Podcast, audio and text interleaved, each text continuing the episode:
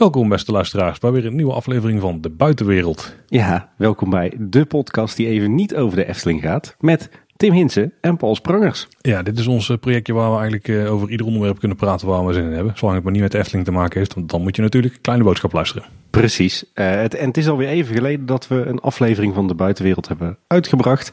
Is niet voor niks, want uh, in de buitenwereld hebben we het heel vaak over reizen. Toch denk ik wel een, een andere gedeelde passie van ons beiden. Uh, alleen de laatste tijd ging dat natuurlijk even wat, wat lastiger vanwege het coronavirus.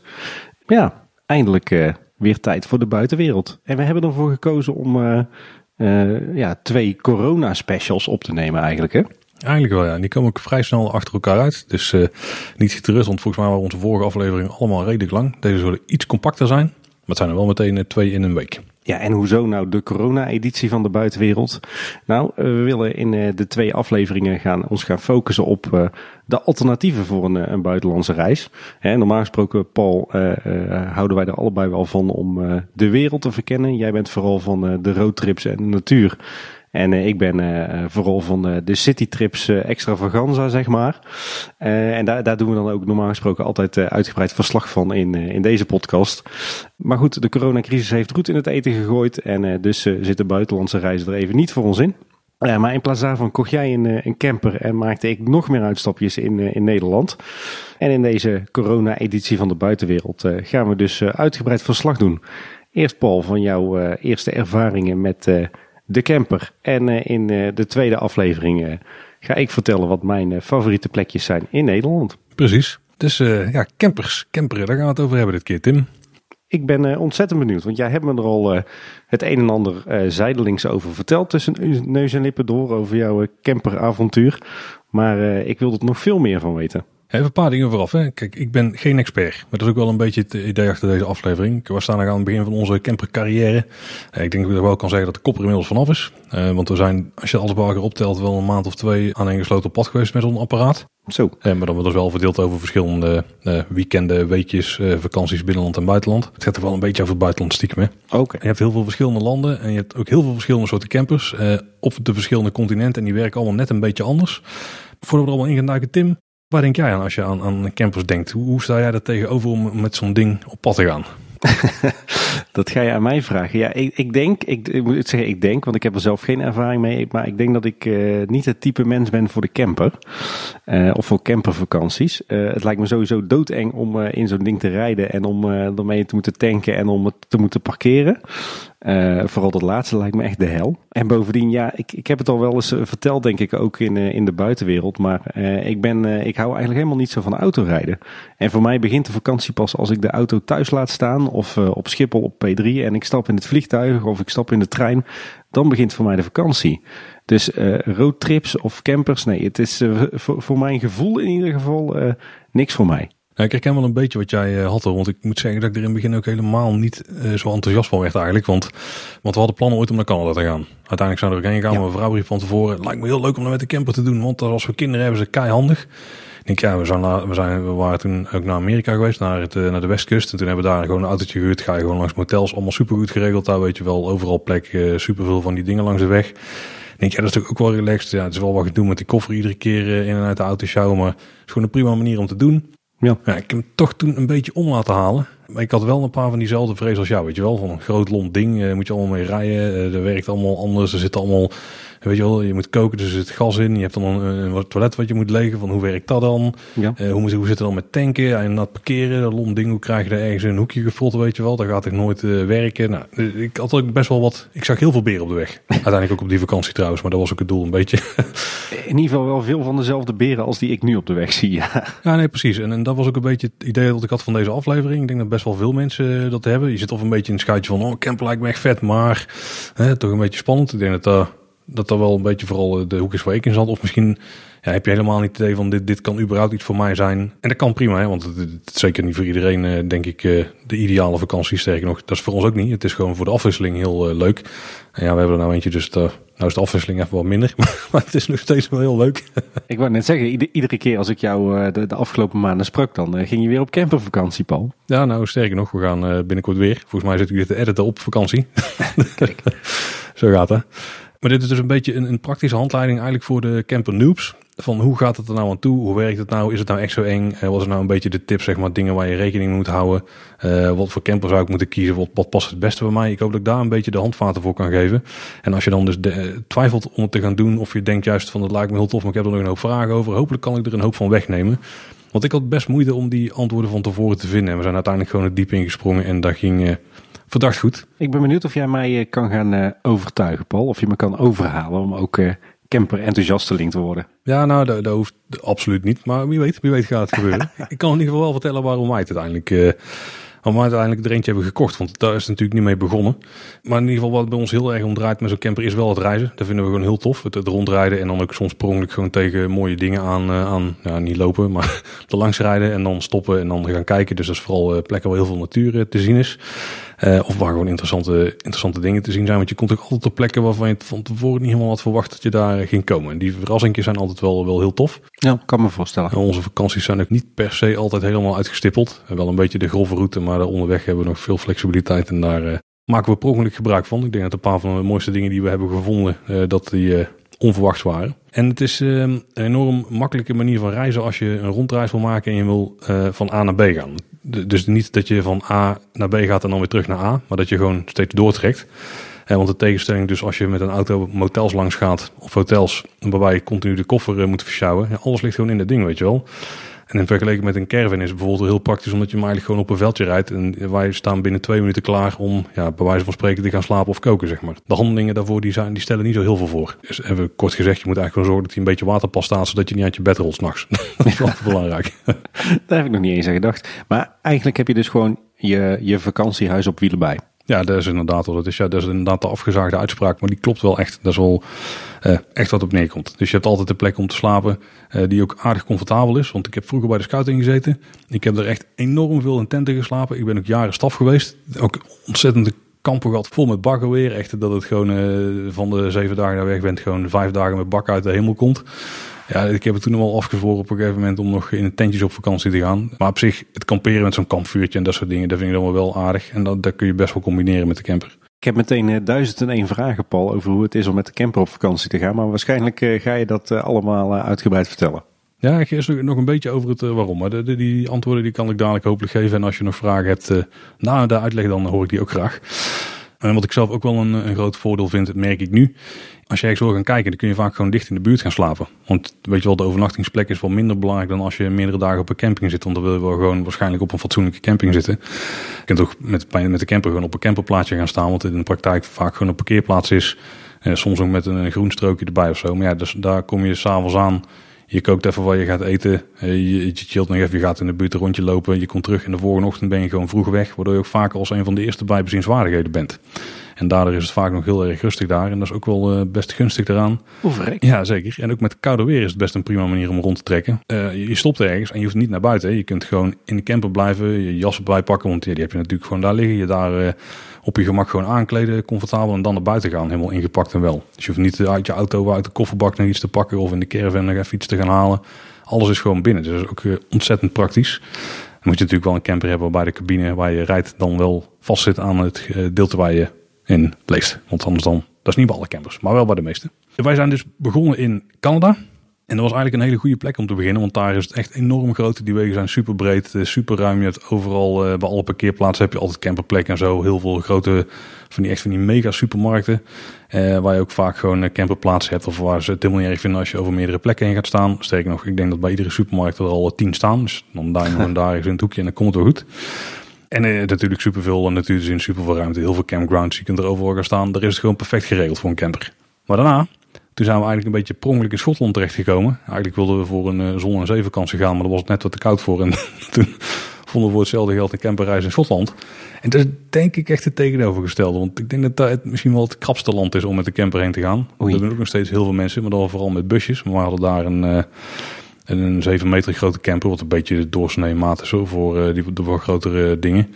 Uh, en ook wat breder. En daar zijn de wegen dus niet zo breed, niet zo, uh, is er ook niet zoveel parkeerplaats overal. En dat was het wat moeilijker, maar ook daar ging het eigenlijk prima. Dan moest je trouwens ook nog links rijden, met de stuur aan de verkeerde kant. Dus daar hielp ook niet echt mee. Maar uiteindelijk daar ook een hele toffe vakantie gehad. Dus toen we ontdekt dat in Europa toen met een camper rondrijden dat dat best wel kan werken. Toen hebben we de rondreis naar Scandinavië gedaan. Daar hebben we het uitgebreid over gehad in een van de vorige afleveringen ja. van de buitenwereld. En toen zeiden we wel altijd tegen elkaar van, ah, als we nou een camper hadden gehad, hadden we het ding gewoon hier neergezet waar we hier gaan slapen. Dan hadden we morgen vroeg meteen dit kunnen kijken. Of dan hadden we hier even gestopt, uh, kampvuurtje gemaakt, et cetera. En toen zijn we serieus gaan kijken en toen hebben we uiteindelijk de knoop doorgehakt en uh, gezegd van, nou, de komende vijf jaar uh, gaan we een stuk minder vliegen. We gaan een camper kopen, hopelijk verkopen we niet meer al te veel verlies. En dan is het vakantiebudget is ongeveer dit, voor dan nog overhouden. En toen hadden we een een camper. Wanneer was dat uh, dat je de knoop doorhakte? ja, dat, dat, was wel in, in, volgens mij november, november, december afgelopen jaar of zo, zoiets. We hebben hem uiteindelijk laten leveren. Dat is ook betaald in uh, februari. En anderhalve maand later was het, het stond aan de knikker. Maar denk ik niet, niet per se slecht nieuws als je net een camper uh, hebt gekocht. Nee, dat was sterk nog was best wel gunstig nieuws. Want voordat de crisis, uh, coronacrisis aanbrak zijn we wel een paar keer weg geweest. Want toen was het al wel een beetje aanstaande, weet je wel. Dat er al uh, extra hygiënemaatregelen en dat soort dingen waren. Met de camper was je best flexibel. Want het was weer een van de eerste vakanties die je kon doen. Want de campings gingen open. Je kon er met je camper heen. Het sanitair was niet open. Maar ja, dat, je gewoon, dat heb je gewoon bij. Dus dat was best best praktisch voor ons eigenlijk. Toen zijn we ook al uh, regelmatig weg uh, of op pad kunnen gaan. Jij bleek eigenlijk gewoon stiekem een doomsday prepper met je camper. Min of meer wel, ja. ja, ja, ja. Maar, maar je, je, zegt, je, je hebt een, een camper gekocht. Hoe, hoe, zoek je zoiets nou uit? Hoe, hoe bereid je je voor? Waar, waar, waar, koop je die dingen? Waar, waar heb je op gelet? Heb je nog ergens tussen getwijfeld? Uh, hoe ging dat? Nou, het blijkt dat je die dingen dus echt op ontzettend veel plekken kunt kopen. Veel meer dan ik van tevoren had verwacht. Want als je er dus eenmaal naar op zoek gaat, dan blijkt dat die uh, camperhandelaar dat die echt uh, nou, door heel het land heen uh, echt op heel veel plekken zitten. Ik denk dat, nou misschien niet iedere gemeente, maar volgens mij hier bij ons in de buurt, als je een half uurtje wil rijden, dan heb je een stuk of acht, negen dealers of zo. Jeetje. Waarbij er eentje gewoon echt om de hoek van mijn kantoor zat. Waar we uiteindelijk ook er eentje hebben gekocht. Dat was ook niet in eerste instantie het plan. Want wij dachten eigenlijk van, ja weet je wel, een beetje, toch een beetje bang gemaakt door Schotland. Uh, van oké, we hebben daar rondgereden. Dat ging allemaal wel met het ding van 7 meter. Maar af en toe was het wel een beetje billen knijpen. Een beetje, nou, niet echt nodig verder of zo. Maar dat, het was er af en toe best krap. Dat kan ik wel vertellen. Toen we er een van 7 meter van uh, 2 meter 35 breed volgens mij. Dat zijn een beetje de ouderwetse standaard uh, maten. Dus liefst willen we wat kleiner. Maar er moet wel een gezin mee kunnen. Dus toen zijn we eigenlijk kijken naar iets van, bestaat er iets van 6 meter lang. Misschien iets smaller waar daar ook allemaal in past. Nou ja, die zijn er. Alleen dan moet je niet net zoals mij bijna 2 meter zijn. Want dan moet het wel wat krapper aan de binnenkant. Mm. En want we hadden wel wat modellen gevonden, alleen uiteindelijk toen we erin stonden, toen bleek ik daar niet in te kunnen staan, rechtop. En toen uh, hield het eigenlijk best gauw op. Dat is niet comfortabel, nee. Nee, kijk, je hebt, je hebt een paar type campers, misschien wel goed om even aan te halen. Je hebt in principe buscampers. En die heb je dan weer twee maten. Je hebt die, uh, die wat kleinere. Uh, vaak heb je daar een klein keukentje in en kun je van de achterbank nog een bed maken, zeg maar. En soms zit daar nog een tent op het dak. Zijn dat de Volkswagen busjes, zeg maar? Ja, die heb je twee varianten. Maar die heb je inderdaad als Volkswagen busje, ja. ja. Die zijn dus wel super, uh, ja, super handig. Die kun je overal kwijt. Die kun je gewoon parkeren in de stad uh, op een normaal parkeerterrein. Dat is allemaal geen probleem. Er zijn gewoon ja, kleine busjes. Dan heb je ook de grotere bussen. En die zijn dan vaak in de ja, zeg maar 5,5 tot uh, bijna 7 meter, of 6,5 ongeveer lengte. En die zijn ook wel smaller, 2 meter 5 volgens mij vaak. Dus die zijn ook best manoeuvreerbaar. Die, rijden dus ook heel veel rond in Schotland. Want die zijn best groot, hebben vaak een douche en een toilet aan boord. Dus dan heb je al meer comfort en wat meer zelfstandigheid. En die zijn ook vaak lekker wendbaar, die, die twee types. En, en zijn ook compleet uitgerust, maar wel wat krapper dan, dan de andere. Dus als je met z'n vier daarin wil reizen, is het misschien weer iets te krap. Maar voor heel veel mensen denk ik best, best een goede optie. Zeker als je er gewoon in past. Wat bij mij dus nog wel eens een probleem was. Zeker als je dwars erin had moeten liggen, want dat pas ik gewoon niet. Dan ga je naar de iets grotere, dat is de half integraal, zoals die noemen. En dat is, die zie je denk ik het meeste rijden. dan heb je eigenlijk zo'n cabine voorin. Maar dan zit er zo'n uitbouw achterop. Zo'n opbouw, zeg maar. Dus dan heb je het leefgedeelte ja, ja. achter de cabine. En soms heb je dan nog zo'n grote bult voorop zitten. Dat heet dan een alkoof. Want daar zit dan vaak een bed in, boven de cabine. Mm -hmm. Uh, en dat, is wel een... Uh, ja, ik denk vooral diegene zonder alkoof, dat is denk ik het populairste model. Die, zoiets hadden wij bijvoorbeeld ook in Schotland. En dan heb je nog uh, de integraal camper. En dan is het stuk wat achterop staat, is eigenlijk doorgetrokken rondom de cabine. Dus die is qua breedte overal even breed. Dat is het type wat wij hebben. De rijdt op zich wel fijn, vind ik, want je weet dan redelijk goed hoe breed je bent. Dus dat is qua inschatten wel wat makkelijker dan met zo'n half integraal camper. Maar ook die rijden verder gewoon, gewoon prima. En uiteindelijk als je eeuwig budget hebt, dan kun je zo ver gaan als je wil. Want je hebt ze echt gewoon tot bijna halve vrachtwagens, touringcars, waar ook gewoon hele auto's achterin kunnen. En waar je gewoon complete badkamers en de keukens met vaatwasser en zo in hebt zitten. Maar dan heb je het wel over de tonnen. En dan moet je ook wel echt een groot rijbewijs hebben. Dus een vrachtwagenrijbewijs. Want anders kan je er gewoon niet mee de weg op. En dan ga je jezelf wel heel beperken. Ik kan me voorstellen dat die integraal campers van heel oud en aftans gaan naar complete paleizen op wielen. Ja, zeker. Ja. Maar de echte paleizen, dat zijn wel de, de touringcar-achtige varianten van een meter of tien of zo. Ja. En je hebt toch ook van die, van die outdoor campers die... Uh, Die al echt op zo'n vrachtwagen onderstel staan. Ja, je hebt zeker. Je hebt 4x4 campers. Daar zijn dan vaak een beetje van die half integraal. Die hebben nog de cabine, uh, de normale cabine voorop. Maar dan gewoon een, een, vaak nog best wel luxe dus als je modern hebt, een luxe leefgedeelte erachter. Ook een badkamer met losse douche en een bed in de lengte en zo. Ja, dat is ook goed te doen. Want jullie hebben dus een integraal camper, maar hoe ziet dat er dan van binnen uit? Wat, wat zit er allemaal in? Ja, je hebt heel veel verschillende indelingen, maar grofweg de meeste die hebben gewoon voorin natuurlijk de stoelen waar je in rijdt. Die kunnen vaak draaien. Dus dan richten ze naar achter en dan eh, zit je meestal aan het tafeltje wat erachter zit. Met nog een bankje erbij. Eh, daar zitten dan de, de, de, de bijrijders, zeg maar. Die, eh, die moeten ook naar voren wijzen. Dat is ook wel echt een ijs. Dus alle plekken waar je kunt zitten, daar moeten gewoon riemen kunnen zitten. Het is dus niet zo als je in Amerikaanse films wel ziet dat dan mensen in bed liggen te slapen of achterstevoren zitten. Dat mag in Europa gewoon niet. En daarachter, ja, dan, dan gaat het vaak wat wisselen. Of erachter zit een keuken of erachter zit een badkamer. En als er een badkamer achter zit, zit aan de andere kant weer de keuken. Dat is vaak de plek waar je ook instapt, zeg maar. vanaf de zijkant. En dan helemaal achterin zit meestal een bed. En dan zit er ergens nog een kast weggefrot. En dan zit er nog een koelkast. En die, soms is die hoog, maar soms zit die ook weer onder het aanrechtblad. Dat ligt ook een beetje aan hoe compact eh, de camper in elkaar zit. Ja, maar hoe zit het bij die van jullie? Uh, bij ons is het voor in uh, de, de, de, de, stoelen. Dan kun je die omdraaien. En dan heb je daar een, een tafeltje zitten met nog een, een zijbankje. Dus die zit achter de passagier, zeg maar. Achter de bijrijder. En dan achter de bestuurder zit een, een, een dubbele zit, of eigenlijk een hoekzitje. Uh, daar zitten onze kinderen dan. En dan kun je ook wel kussens uithalen voor het rijden. Dat is allemaal zo transformeerbaar als je maar wil. Uh, daarachter zit een hoekkeukentje. Uh, met daarnaast een hoge koelkast met een overtje. En daar tegenover zit de badkamer. Met, de, met douche en toilet. En dan kun je de wastafel kun je zo wegdraaien. En dan kun je daar een heel uh, transformer systeem zetten erin. En dan heb je in één keer een, een ja, zelfs voor mij aardig ruime douche waar ik gewoon in kan staan ook. Oké. Uh, en, uh, en een toiletje dus. En daarachter zit bij ons een bed in de breedte. En dan hebben wij nog boven de bestuurder en de bijrijder hebben wij zo'n bed wat je naar beneden kunt trekken. Een hefbed. En daar kunnen de kinderen dan liggen. Kijk, ik uh, zie het helemaal voor me inderdaad. Wat ik zelf wel heel praktisch vind, is ook wel echt een ding waar wij op hebben gelet. Want uiteindelijk zijn wij dus geland, spoilers bij een camper dus ook van 7 meter. Uh, van 2,35 breed, toch groter dan waar we in eerste instantie naar op zoek waren. En maar we wilden ook fietsen meenemen. En wat wel een heel groot voordeel is van de camper die wij nu hebben, is dat je de fietsen gewoon onder het bed achter kunt uh, stallen. Dus vanuit de zijkant kun je gewoon een deurtje openzetten. En dan kun je gewoon heel de okay. fietsen, kun je er twee stuks plus een kinderfiets kun je gewoon zo inrijden. En dan passen er ook nog gewoon vier stoelen en een tafeltje in.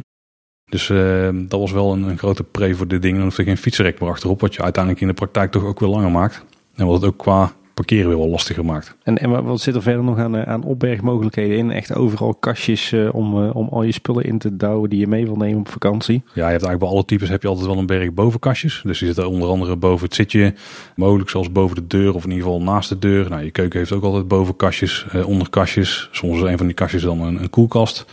Bij busjes dan dat is de koelkast bijna altijd onder het aanrecht. Maar ook daar heb je heel veel verschillende varianten in. Wij hebben dan nog toevallig één grote kast voor kleren. Gewoon echt van boven tot onder eh, van een centimeter of 40 breed of zo. Dus er kan wel enorm veel in. En je kunt vaak onder de zitjes nog dingen kwijt. Ook wel handig. En van buitenaf heb je nog allerlei klepjes, luikjes. Ja, dus maar net waar ze nog een, eh, een beetje ruimte konden vinden, zeg maar. Uh, daar zit gewoon een klepje waar je spullen in kunt douwen. En, en is het dan ook zo dat je echt een enorme berg zooi en spullen meeneemt als je op vakantie gaat met de camper? Stel je ook echt alles vol? Nou, die mensen heb je wel, ja. Ik heb wel eens, wij hebben dan de fiets onderin staan, maar ik heb ook heel veel mensen gezien die hebben daar gewoon planken gemaakt. En ja, er ligt echt een badzooi, daar word je bang van, met allemaal extra tenten. En uh, volgens mij hebben sommigen zelfs gewoon hele opblaaskussens bij, daar lijkt het af en toe wel op. Maar in ieder geval boten, dat soort dingen. Uh, wij proberen het wel zo licht mogelijk te houden, want dat is wel echt een ding waar je rekening mee moet houden. Vooral als je als je gewoon eigenaar bent van, uh, van een camper. Want je zit wel met gewichten te kijken. Wij hebben gewoon een B-rijbewijs. En dan mag je maar met maximaal 3.500 kilo uh, rondrijden. Mm -hmm. En dus bent mensen erin met tanks gevuld. Gewoon, gewoon echt als jij gewoon zoals je rijdt op een wegenbrug zou gaan staan. Dan mag je maar maximaal 3.500 kilo wegen. Dat is niet zoveel. Nee, dus ja, de meeste campers die hangen zo een beetje ja, tussen de 2700 en de 3200 zeg maar. En als je dan met een paar mensen erin gaat zitten en je gooit wel water in je tank. Ja, dan houdt het dan niet heel erg meer over. Dus wij proberen er wel goed op te letten. Dus we hebben allemaal licht, lichtgewicht spul bij. En uh, wij gooien de watertank als we rijden nooit helemaal vol. Er zit maar heel weinig water in, zodat we onderweg naar het toilet kunnen en uh, een keer kunnen koken of zo. Maar even vergelijking. Als, als, als wij op vakantie gaan, normaal gesproken op buitenlandreis, dan gaan we met vliegtuig. Dan nemen we zelf twee grote reistassen mee. voor de kindjes allebei een klein reistasje nog een paar gevulde rugzakken en that's it. Is dat ook een beetje vergelijkbaar met, met wat jullie meenemen in de camper? Of is het wel echt zo van nou, we, we hebben de ruimte, dus dan nemen we ook uh, een, een, hoop meer mee? Want je weet nooit als je op de weg bent. Nou, je hebt dus twee varianten om natuurlijk te gaan. Je kunt de camper huren en dan vlieg je er mogelijk naartoe. Want als je niet gaat vliegen, ja, dan kun je hem net zo goed in de buurt huren. Dan is het wel net zoals jullie. Ja, dan, dan is trouwens ook wel een tip. Neem dan zachte tassen mee, want die kun je namelijk makkelijk wegfrotten ergens onderin. En de rest die laat je dan gewoon uit in de kastjes. Ja, en die komen er in principe ook niet meer uit, behalve als je kleren aandoet terwijl je onderweg bent. Maar, maar, maar nu, want jullie gaan heel veel in, eh, in Nederland uh, nu op pad uh, vanuit thuis. Ja, dan neem je sowieso een berg boodschappen mee. Dat is natuurlijk voor makkelijk om dat gewoon vanuit huis te doen. Dat je niet meteen bij een uh, supermarkt moet stoppen. En fietsen gaan mee. We hebben op dit moment niet, we zijn bezig met een barbecue score ergens. Niet al te groot en ook niet al te zwaar die dan nog mee kan. Nee, je hebt gasflessen bij, water en dat soort fratsen. Maar we nemen niet per se superveel meer mee. Maar ja, als je de basis dingen die je nodig hebt even checkt. Dus iets om in te slapen of iets om onder te slapen.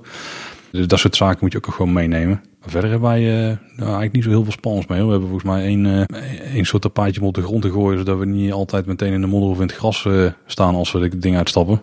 En, en fietsen. En, en een grote tafel, klein tafeltje en vier stoelen. En dat was het eigenlijk wel, ja. Ja, en dat was speelgoed voor de kinderen trouwens. Daar hebben we dan wel bij. Ja. Ik had net al een beetje uitgelegd welke type campers je hebt. Maar stel je die denkt van, nou, uiteindelijk aan het eind van de aflevering lijkt me wel. Ik ga een keer wel huren, maar ik wil bijvoorbeeld ook naar Canada of ik wil naar Schotland of ik wil in Spanje met zo'n ding rondrijden. Dan ga je huren. En dan is het natuurlijk al iets minder interessant hoeveel zooi je mee kan nemen. Dus dan is het type camper wat je kiest. Dat maakt ook al niet zo heel veel meer uit. Want je hoeft waarschijnlijk geen fietsen mee te nemen. Kun je eigenlijk gewoon het beste uitgaan van wat staat er te huur. Want dat is waarschijnlijk wat de meeste mensen daar in die omgeving nodig hebben. Weet je wel, als je naar Patagonië of zo gaat, dan denk ik dat je wel een 4x4 camper uh, kunt scoren. Ja, een camper op rupsbanden. dat is niet, niet verkeerd, nee, denk ik. Maar daar in Noord-Amerika, ja, dan is het gewoon uh, zo'n lomp ding. Ja, dat is gewoon wat ze daar hebben. Uh, maar kijk gewoon wat het meest gangbaar is. Wat, wat past bij jouw gezinssamenstelling of bij jouw reisgezelschap. En dan heb je eigenlijk altijd wel een prima keuze gemaakt. Uh, maar waar je wel echt goed op moet letten is de afmetingen van de bedden. Want als je gewoon te krap slaapt, ja, dat schiet gewoon echt niet op. Uh, dus dat, is eigenlijk misschien, denk ik, het enige waar je echt even jezelf uh, mee bezig moet houden. En voor die specificaties checken van, pas ik daar wel in bed? Want als je te krap slaapt, ja, dan is je vakantie toch een stuk zuurder dan, dan dat je wel goede slaap pakt. Ja. Ja, vooral in de lengte denk ik dan. Hè? Ja, voor, ja, breedte kan ook nog wel belangrijk zijn. Want soms heb je, dat, dan noemen ze twee persoons maar dan zie je 1,20. Dat is voor ons wel een beetje krap, zeg maar. Ja, ik ben tegenwoordig gewend om aan, aan, elke kant een kind te hebben liggen soms. Dus dan, ben je gewend aan smal liggen. Uh, waar je ook nog even naar kunt kijken is ja, hoeveel mensen moeten er dus meereizen. Dus kunnen die allemaal zitten. Want sommige buscampers daar kun je niet met z'n vieren in zitten. Maar de meeste, de meeste wel, is niet zo'n probleem. Maar het slapen is natuurlijk uh, wel uh, dat, die allemaal, dat iedereen mee moet kunnen. En je, je kunt ervoor kiezen om bijvoorbeeld een tentje mee te nemen voor die andere twee die meereizen. Ja, dan, dan is het camper-effect wel een beetje weg. Want dan sta je wel iedere dag je tent op te zetten. En dan is het niet van ik kom aan en ik ben binnen een paar minuten ben ik, kan ik me met iets anders gaan bezighouden. En wat je ook even moet checken is, wil je iedere dag een bed ombouwen of niet? Meestal heb je één vast bed. En die hefbed heb je dus in verschillende varianten. en die kun je meestal opgedekt laten, dus dat is ook wel fijn. Die duw je gewoon weg en dan ben je klaar. Maar als je iedere keer, iedere dag het zitje moet gaan ombouwen.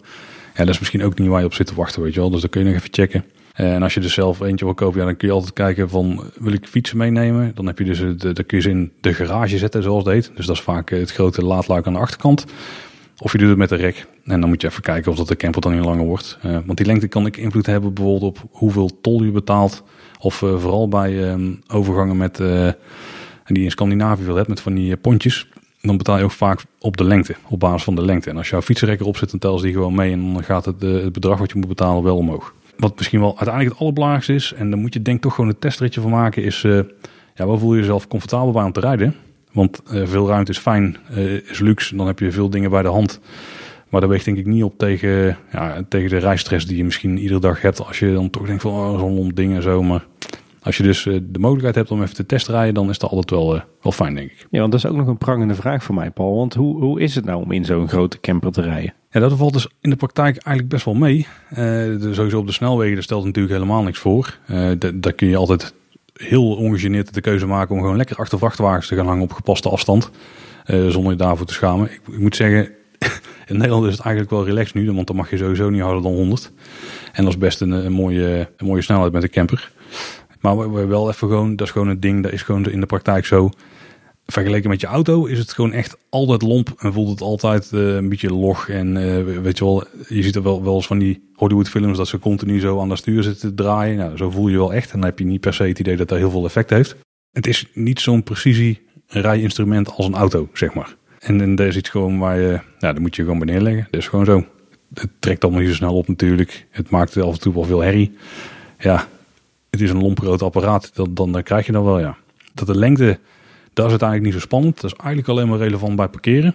En als je van camping naar camping rijdt, dan heb je daar dus eigenlijk helemaal geen last van. Want dan, ja, dan, dan lukt het altijd wel. Maar met het draaien of zo, ja, Het, moet je een klein beetje rekening mee houden. Je moet niet de bochten heel uh, strak afsnijden, maar je moet ook niet te ruim pakken. Want uh, aan de achterkant zwengt hij een klein beetje uit. Meestal uh, een meter of anderhalf. Omdat de banden gewoon best wel, de achterbanden zitten gewoon best wel ver naar voren. Het is vooral de breedte. De breedte is wel een dingetje om echt rekening mee te houden. Sowieso heeft dat best wel invloed op het parkeren, ook wederom. Maar vooral met het rijden. Als je wat smallere landweggetjes hebt, nou, moet je gewoon op je hoede zijn voor tegenliggers. En even kijken hoe ze die op de weg gedragen. En je hoeft je echt niet voor te schamen om even gas terug te nemen. En op je gemakje met één band even rustig door de berm heen. Dan moet je niet op volle vaart doen, want dan wordt het wel spannender. Ja. En dan is dat niet zo erg, weet je wel. Wij gaan weg. Nou, dan moeten we ook over, uh, nou, niet landweggetjes, maar ook niet de allerbreedste wegen van het land, zeg maar. Als we daar een tractor tegenkomen, moeten we ook even uh, gewoon op het gemakje doen.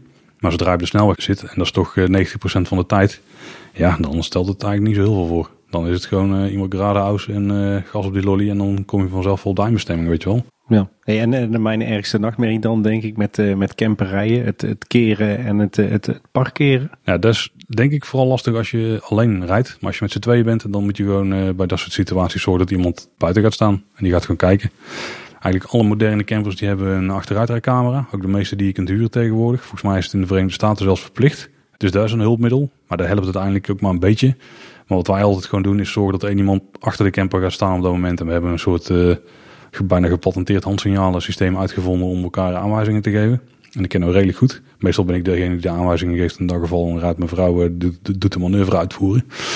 Maar dan altijd zorgen dat je gewoon één iemand hebt die in de spiegel zichtbaar blijft voor de, degene voorin. En dan is het gewoon zeggen, ja, kom maar naar achter, links, rechts, stoppen, dat soort dingen. Veel meer heb je niet nodig.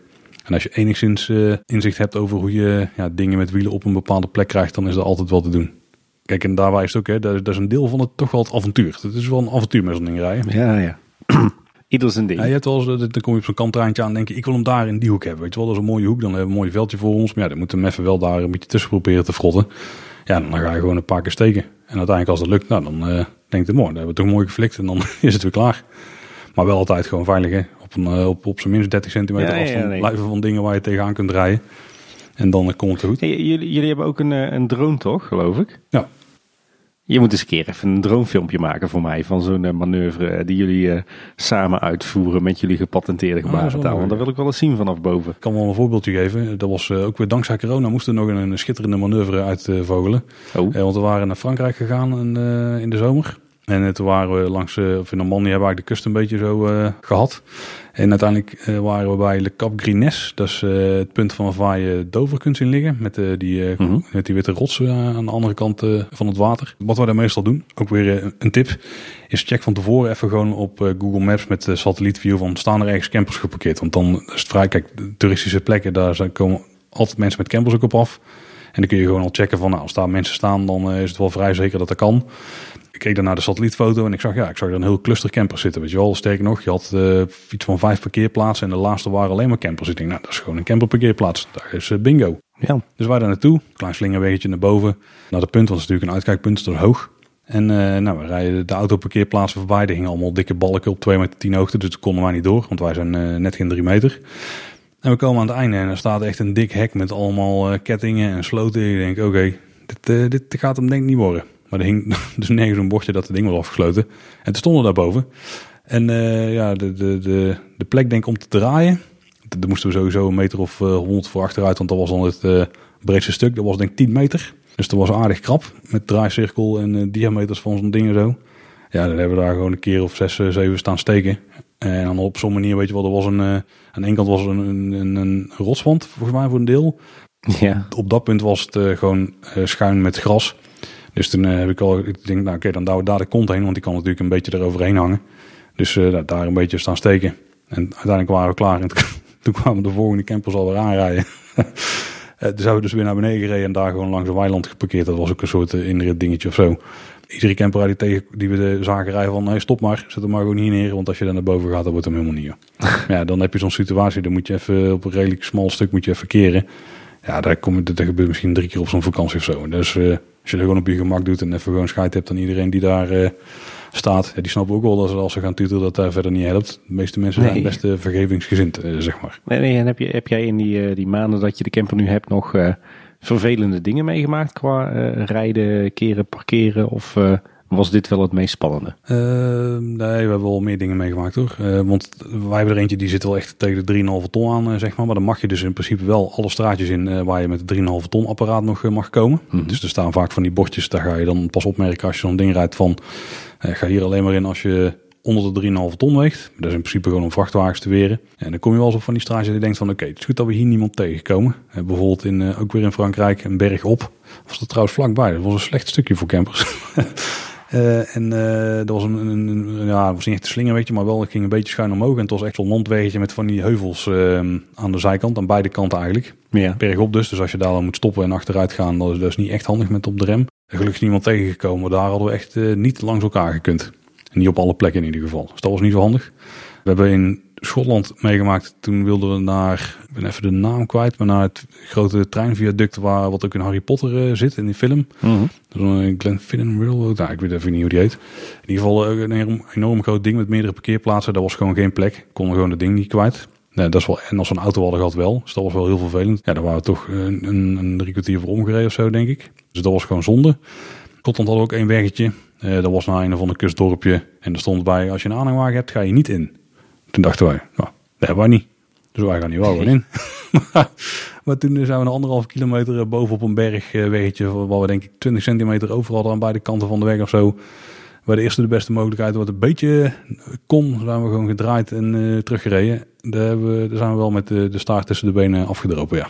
Oei. Maar verder nog niet echt, uh, nou ja, eigenlijk, ja, uiteindelijk, als je erop terugkijkt, zijn allemaal van die avontuurlijke dingen. En dan is dat best leuk. Ja, daar kijk je dan positief op terug. Dat, uh, dat herken ik wel. Nou ja, niet, niet van autoavonturen of camperavonturen, maar ik kan me nogal wat hachelijke situaties in verschillende vakantiebestemmingen herinneren die toen echt niet leuk waren. Maar als je er dan nu aan terugdenkt, dan lach je erom of dan denk je dat was toch een hele goede les. Dat zal hier dan ook wel voor gelden. Ja, kijk, we hebben bijvoorbeeld ook wel in Frankrijk gehad dat we in het begin uh, bij de kust wat van die, uh, nou niet B-wegen gereden, maar zelfs C-wegen of zo denk ik. Echt van die hele lokale dingen.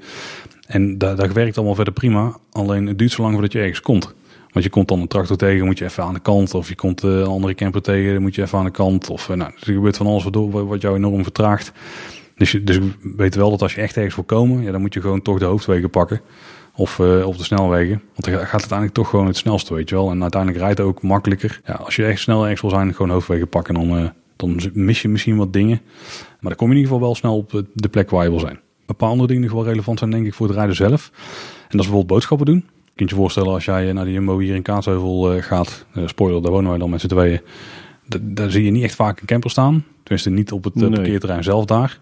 Uh, maar dan, moet je gewoon, als je daar dan naartoe gaat, wil je dan vaker toch een iets grotere supermarkt proberen te pakken. Dat is wel het voordeel in het buitenland. Daar hebben die namelijk heel veel van die... Uh, van die hypermarchés. Ja, hypermarchés. Uh, dan heb je Eleclair en uh, Auchan en dat soort dingen. Van die hele grote supermarkten. Nou, die, daar, daar tref je vaak wel een wat leger parkeerterrein. Nou, dan ga je gewoon ergens aan de buitenkant staan, pak je twee vakken en dan is verder wel prima.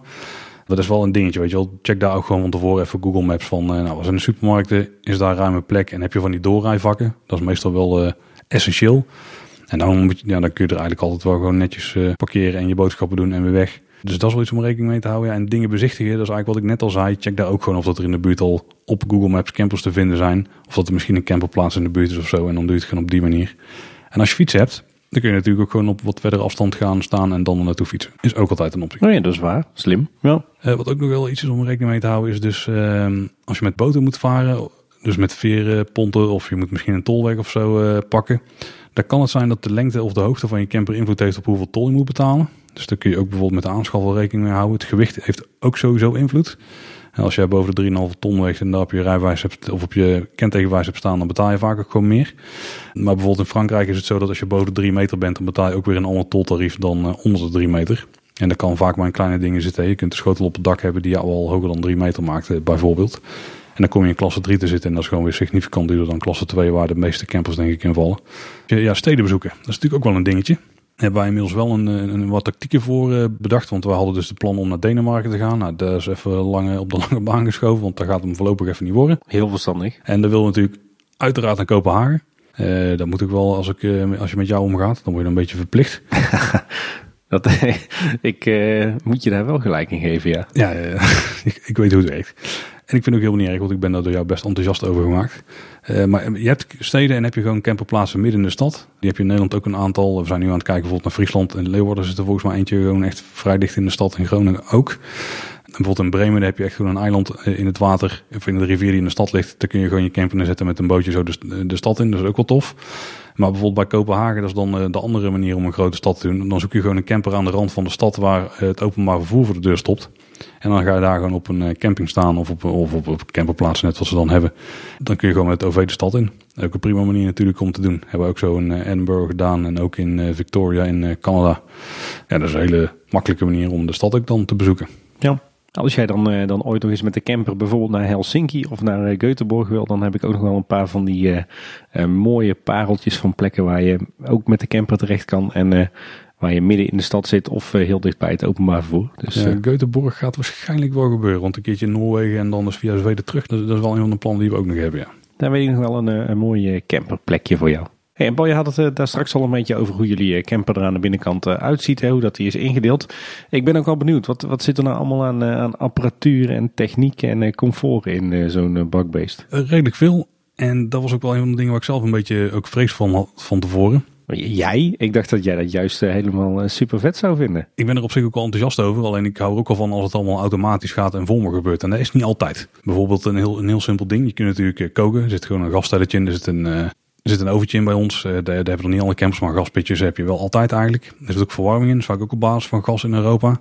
En uh, dat werkt natuurlijk allemaal op die gasfles. Maar bij ons zit er niet een, een crash sensor in, zoals dat heet. En dan moet je dus iedere keer als je stopt, moet je wel even de gasfles open en dicht. In ieder geval open draaien. En als je weg gaat, weer dicht draaien. Want je mag dan niet rijden met een open gasfles. En ook vaak als je een veerpont opgaat of zo, dan mag je ook niet rijden met open gasfles. Ook al heb je wel zo'n detector bijvoorbeeld erin zitten. Dat zijn even allemaal dingen waar je dan rekening mee moeten houden. En ik denk van, oeh, ja, weet je wel, eh, de eerste keer toen we uitleg kregen in Canada, toen dacht ik, ja, oeh, dat is best wel wat dingen waar we rekening mee moeten houden. Hoe je het toilet moet legen, hoe je moet, het water moet bijvullen.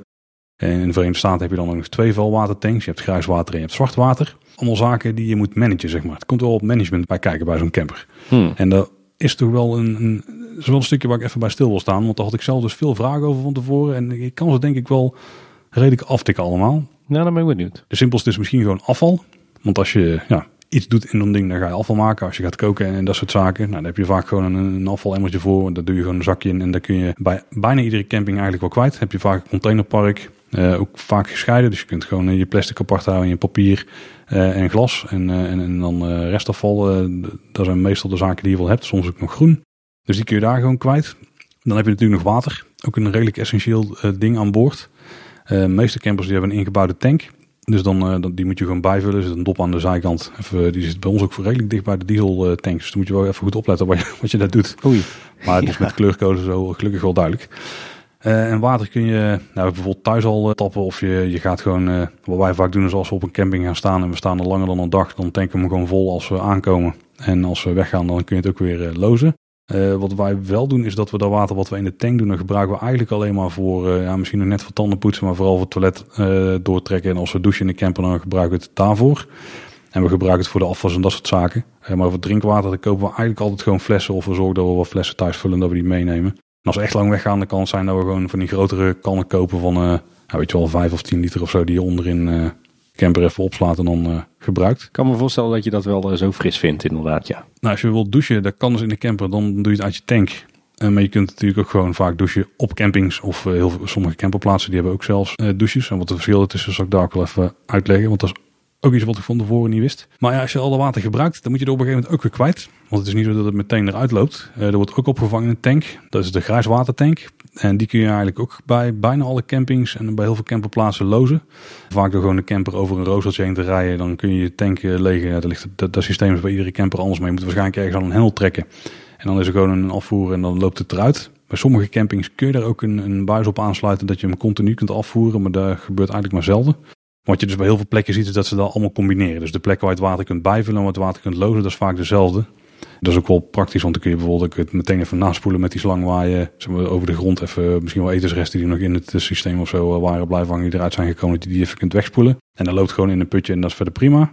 Je hebt natuurlijk ook nog het toilet. En in Europa zijn er eigenlijk in de praktijk bijna altijd van die cassette toiletten. Dus je, je hebt in de camper gewoon een, normale pot. Als je dan naar de wc gaat, dan moet je een klepje open doen. Dat is wel belangrijk trouwens. Alles wat je doet gaat eigenlijk gewoon meteen zo'n zo'n mobiel tankje in. En vaak is er aan de zijkant een klepje en dan kun je heel de dingen uittrekken. En dan is het eigenlijk gewoon een klein rolkoffertje. Dat is een beetje het formaat waar je aan moet denken. Uh, en dan heb je loosplekken bij de meeste campings en camperplaatsen. Of soms zelfs bij camperserverplaatsen. En dan zit daar gewoon een tuutje aan, de draai open, laat je dat ding leeglopen. En dan heb je daar vaak water bij waarbij je even de ding kunt naspoelen, een keer schudden. Een paar keer leeg gooit dat er gewoon schoon water uitkomt. Dan heb je wat chemicaliën, ja, of je hebt ook niet-chemische varianten ervan. Daar gooi je dan een scheutje van erin. En uh, dat mengt zich dan uiteindelijk weer met alles wat er in de toekomst ingaat. Maar daardoor gaat het niet zo stinken. En als je bepaalde cassettes hebt, dan zit er ook nog een afzuigsysteempje in. Dus dan wordt het gewoon, dan wordt de vuile luchtjes die worden al afgezogen voordat ze überhaupt in de camper kunnen komen.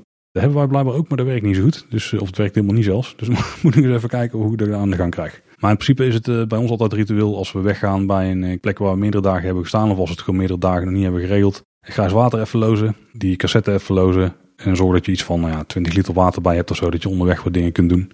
En dan uh, kunnen we weer op pad. Klinkt goed. Ander dingetje wat ook uh, belangrijk is, elektriciteit. Uh, zeker in, in deze tijd, want iedereen moet natuurlijk zijn telefoon kunnen opladen. Of zijn iPad of zijn camera of zijn drone of net wat je allemaal bij hebt aan zooi. Maar de meeste campers die hebben naast de accu voor het motordeel, want daar zit gewoon een normale accu in zoals je overal hebt, waar dan ook de radio en zo op werkt, heb je ook leefaccu's of woonaccu's, zoals ze die noemen. Mm -hmm. Ik weet niet precies hoe dat qua capaciteit zit, want er werkt er allemaal in amperes. En dan ligt het ook weer aan het type accu wat je hebt, om, zodat je kunt bepalen hoeveel je echt kunt gebruiken. Maar bij ons is het zo, we hebben ook zonnepanelen op het dak liggen. Twee stuks, maar zijn volgens mij al best wel oude beestjes. En we hebben dan dus uh, twee van die leefaccu's volgens mij. En we hebben er nog nooit probleem mee gehad. Want je kunt een beetje in de gaten houden hoeveel erin zit aan de hand van de spanning. Het zien dat je een mooi percentage hebt of zo. In ieder geval niet bij het systeem wat wij hebben. Mm -hmm. En bij ons gaat hetzelfde zelden onder de 12 volt. En dat is, dat is een beetje het punt waar je vanaf wanneer je moet gaan opletten van... Oh, misschien dat we een keer moeten gaan rijden om de dingen bij te vullen. Uh, want die accu's laden in principe op als jij aan de vaste stroom hangt. Of als jij dus rijdt of als je zonnepanelen hebt. Maar als je zonnepanelen hebt trek je ze waarschijnlijk sneller leeg dan dat je ze vult. Tenzij je een groot deel van de dag weg bent. Maar je kan de camper dus ook gewoon op een, een camperparkeerplaats gewoon aan de, de, het stopcontact hangen, zeg maar. Ja, niet bij allemaal, wel bij veel. En dan moet je even opletten van hoeveel stroom kun je dan uit de muur trekken. Het voordeel daarvan is dat je dan bijvoorbeeld je koelkast ook op uh, elektriciteit kunt laten gaan. En dat scheelt weer een hoop gasgebruik. Uh, maar bijvoorbeeld voor verwarming of zo is het vaak niet elektrisch. Al hebben wij wel echt een, een klein uh, zo'n ventilatorkacheltje. Maar die kun je ook echt op een standje zetten van maar 500 watt. Je hebt vaak maar een aansluiting bijvoorbeeld van 6 ampère. Nou, 6 ampère keer 220 volt. Dan zit je op nou, ongeveer 1300 watt zeg maar. Dan moet je ook echt niet meer dan eruit gaan trekken. Want dan schiet gewoon de, de stop om. En als er niemand is die dat ding terug kan omzetten. Want die zit er vaak achter een slotje ja, dan heb jij gewoon geen elektriciteit. Waar je waarschijnlijk wel voor hebt betaald. Want vaak is daar iets bij betalen in Europa. Um, maar je kunt hem inderdaad gewoon aan elektriciteit hangen. Dan heb je ook gewoon binnen 220. En wordt alles opgeladen. En de meeste campers hebben tegenwoordig ook gewoon wel USB-poorten. En wij hebben er een paar vanwege, of dankzij die, uh, van die 12 volt stekkertjes, zeg maar. Want wij hebben een oude model, dus die had allemaal nog niet. En dan kun je prima gewoon alles, alles opladen. Dat kan ook vanaf die accu hoor. Want je kan je voorstellen, zo'n grote, zo'n grote accu die jij in de camper hebt staan, dat daar wel dat je daar meermaals je telefoon en je iPadje van kunt opladen. Kan me voorstellen, ja. Ik denk al een keer of uh, 40 of zo. Voordat het maar een beetje leeg gaat. Vaak huurcampers hebben het niet, maar wat luxere campers die je kunt kopen, die hebben ook vaak een tv erin zitten. Er zijn dan vaak wel uh, 12 of 24 volt tv's volgens mij. Ik heb me daar niet echt in verdiept, want wij hadden er een in zitten. Maar dat was echt een oude 4-3 modelletje. Ja, die nam alleen maar gewicht in en wij keken gewoon series op de iPad via Netflix. Ja, de scherm waar we op de iPad hebben was bijna net zo groot als het tv'tje. Maar als je dat soort dingen hebt, dan gaat de stroom natuurlijk wel wat, uh, wat harder. En als je bijvoorbeeld een airco hebt, want daar heb je ook nog wel uh, bij, vooral de wat duurdere en ook bij heel veel huur. Die kun je vaak alleen maar gebruiken op uh, een vaste stroomaansluiting. Snap ik, ja. Uh, gas is een ander belangrijk ding. Zoals ik net al zei, je koelkast die kan er ook op werken. Dat zul je misschien wel kennen als je een keer op een camping hebt gezeten. Dan heb je ook gaskoelkastjes. Nou, dat werkt in de camper ook zo. In principe is dat de, manier die, waarop je koelkast ook het meest koelt. Vond ik een beetje niet intuïtief. Op gas dan koelt de koelkast en het de vrieskist die koelt dan harder dan uh, elektriciteit. Die koelkasten kunnen vaak ook op 12 volt, maar dan trek je je koelkast echt heel hard leeg. Volgens mij kan er van ons dan, ik denk maar een uurtje of acht aanstaan of zo. Maar dan is gewoon ook de, de accu leeg, dus dat schiet dan niet echt op. Uh, maar als je rijdt, dan, uh, dan gaat hij gewoon op die dynamo en dan verbruikt hij eigenlijk bijna niks. Want als je gas dan uitstaat, dan werkt hij daarop. Maar koelkastmanagement is ook wel echt zo'n ding waar je even rekening mee moet houden. Af en toe hoor je zo tik, tik, tik, tik, tik, tik, tik. En denk je, hè? oh, we zijn de gas weer vergeten aan te zetten. Of de koelkast die probeert nou in ieder geval gas te halen, maar dat krijgt hij niet. dus dan moet je hem even op een ander standje zetten. Dat doet hij in de autostand. Dan gaat hij, uh, dat is ook wel iets wat redelijk veel gebeurt. Als je gewoon rijdt, dan zit hij op de accu. Dus, dus op de dynamo eigenlijk. En zodra je dan stopt, dan na een kwartiertje gaat hij proberen om gas te pakken. Want dan heb je waarschijnlijk heb je het gas wel aangedraaid, hopen ze. Of je bent even gaan tanken, dat duurt meestal geen kwartier. En dan gaat hij dus uh, proberen aan te slaan, maar dat werkt dan niet echt.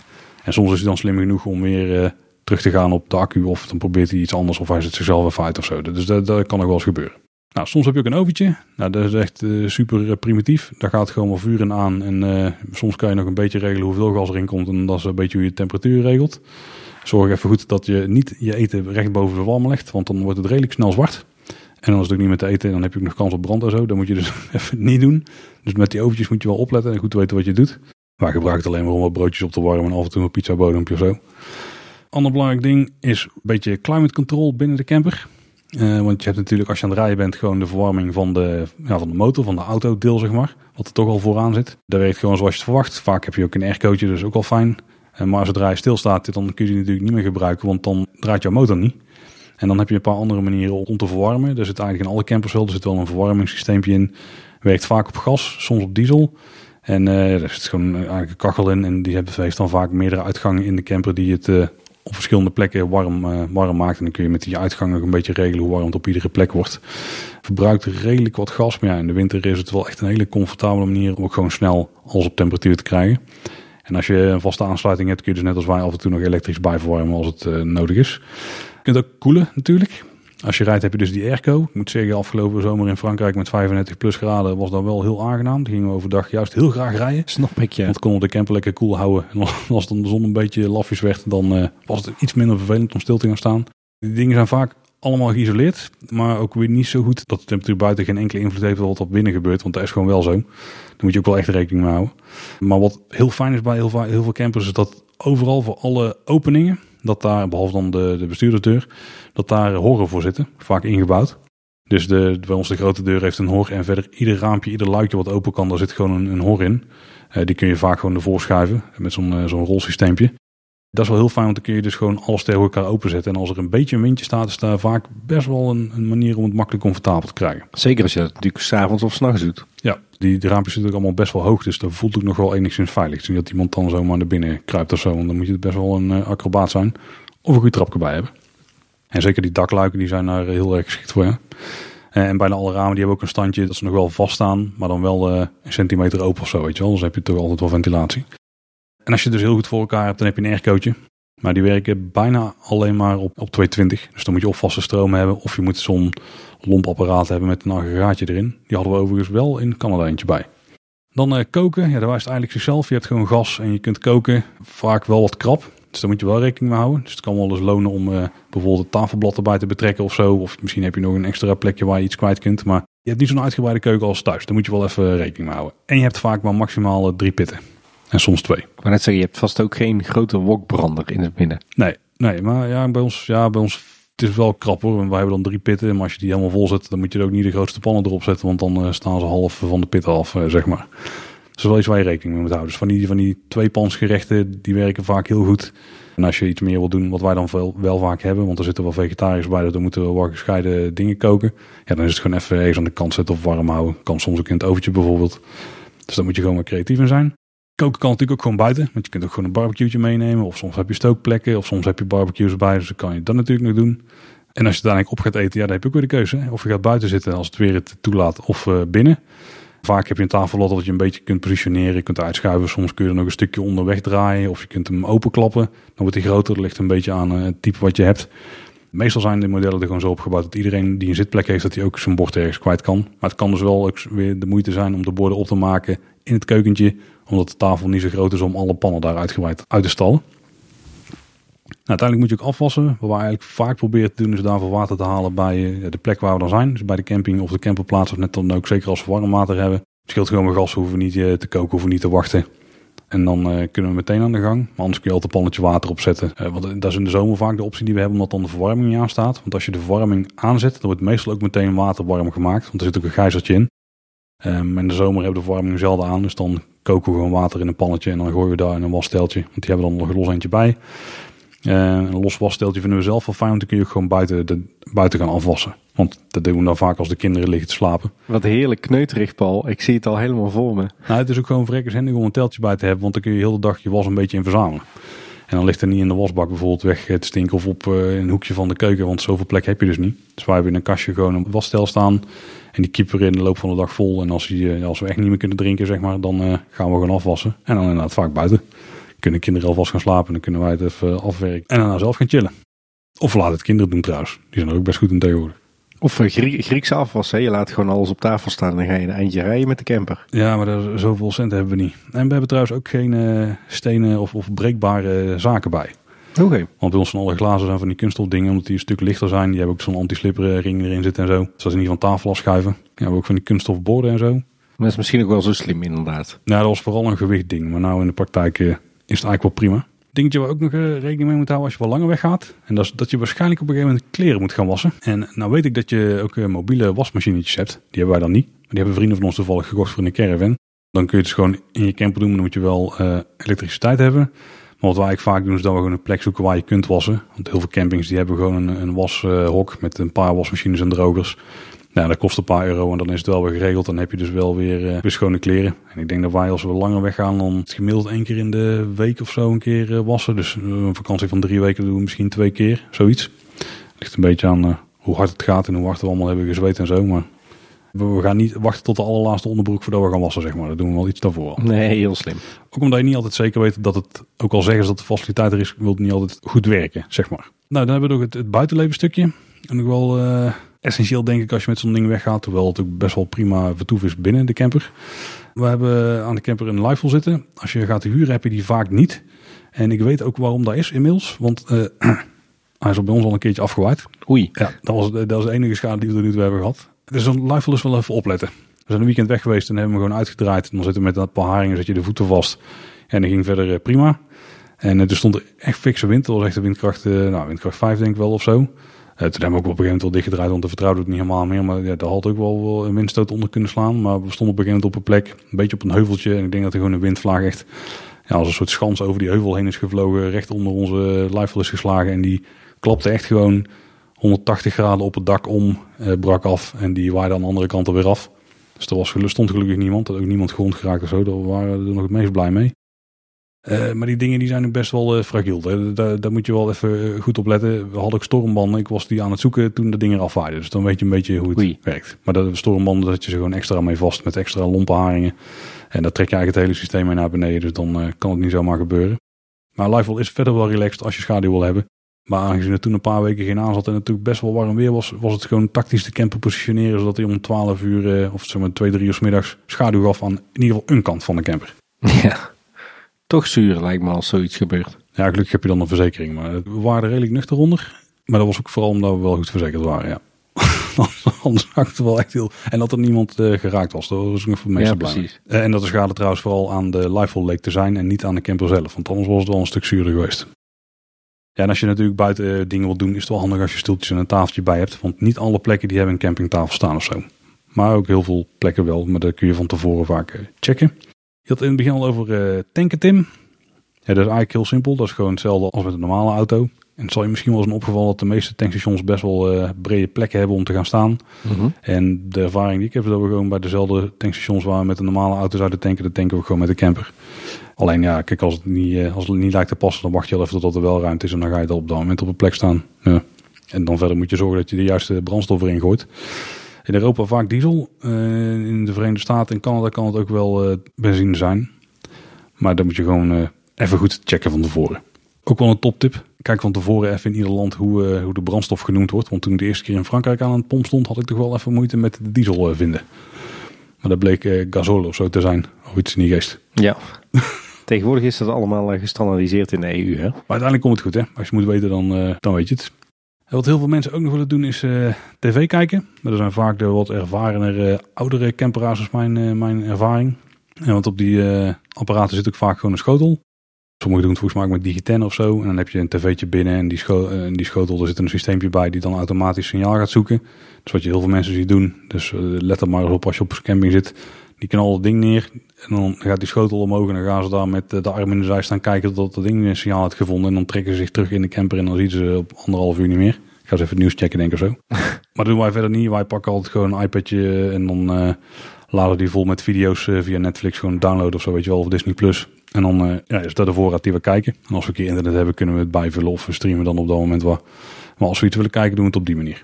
En ik moet zeggen, gebeurt de meeste avond toch wel dat we iets gaan kijken omdat het buiten zitten niet altijd tot in de late uurtjes chill is. Want uh, muggen en ongedierte en dat soort fratsen. Ah, ja. Daar kan ik niet zo goed tegen. En mijn ervaring is ook met de vakantieparken waar ik ben geweest, waar ook camperplekken zijn, is dat die plekken waar de campers staan ook niet altijd de meest per se sfeervolle plekken zijn in zo'n vakantiepark. Nou ja, je hebt ze, je hebt ze zeker wel, ja, maar in, nou, nou, we hebben wel een paar landbals gehad in Nederland, waar echt wel mooie plekken zijn.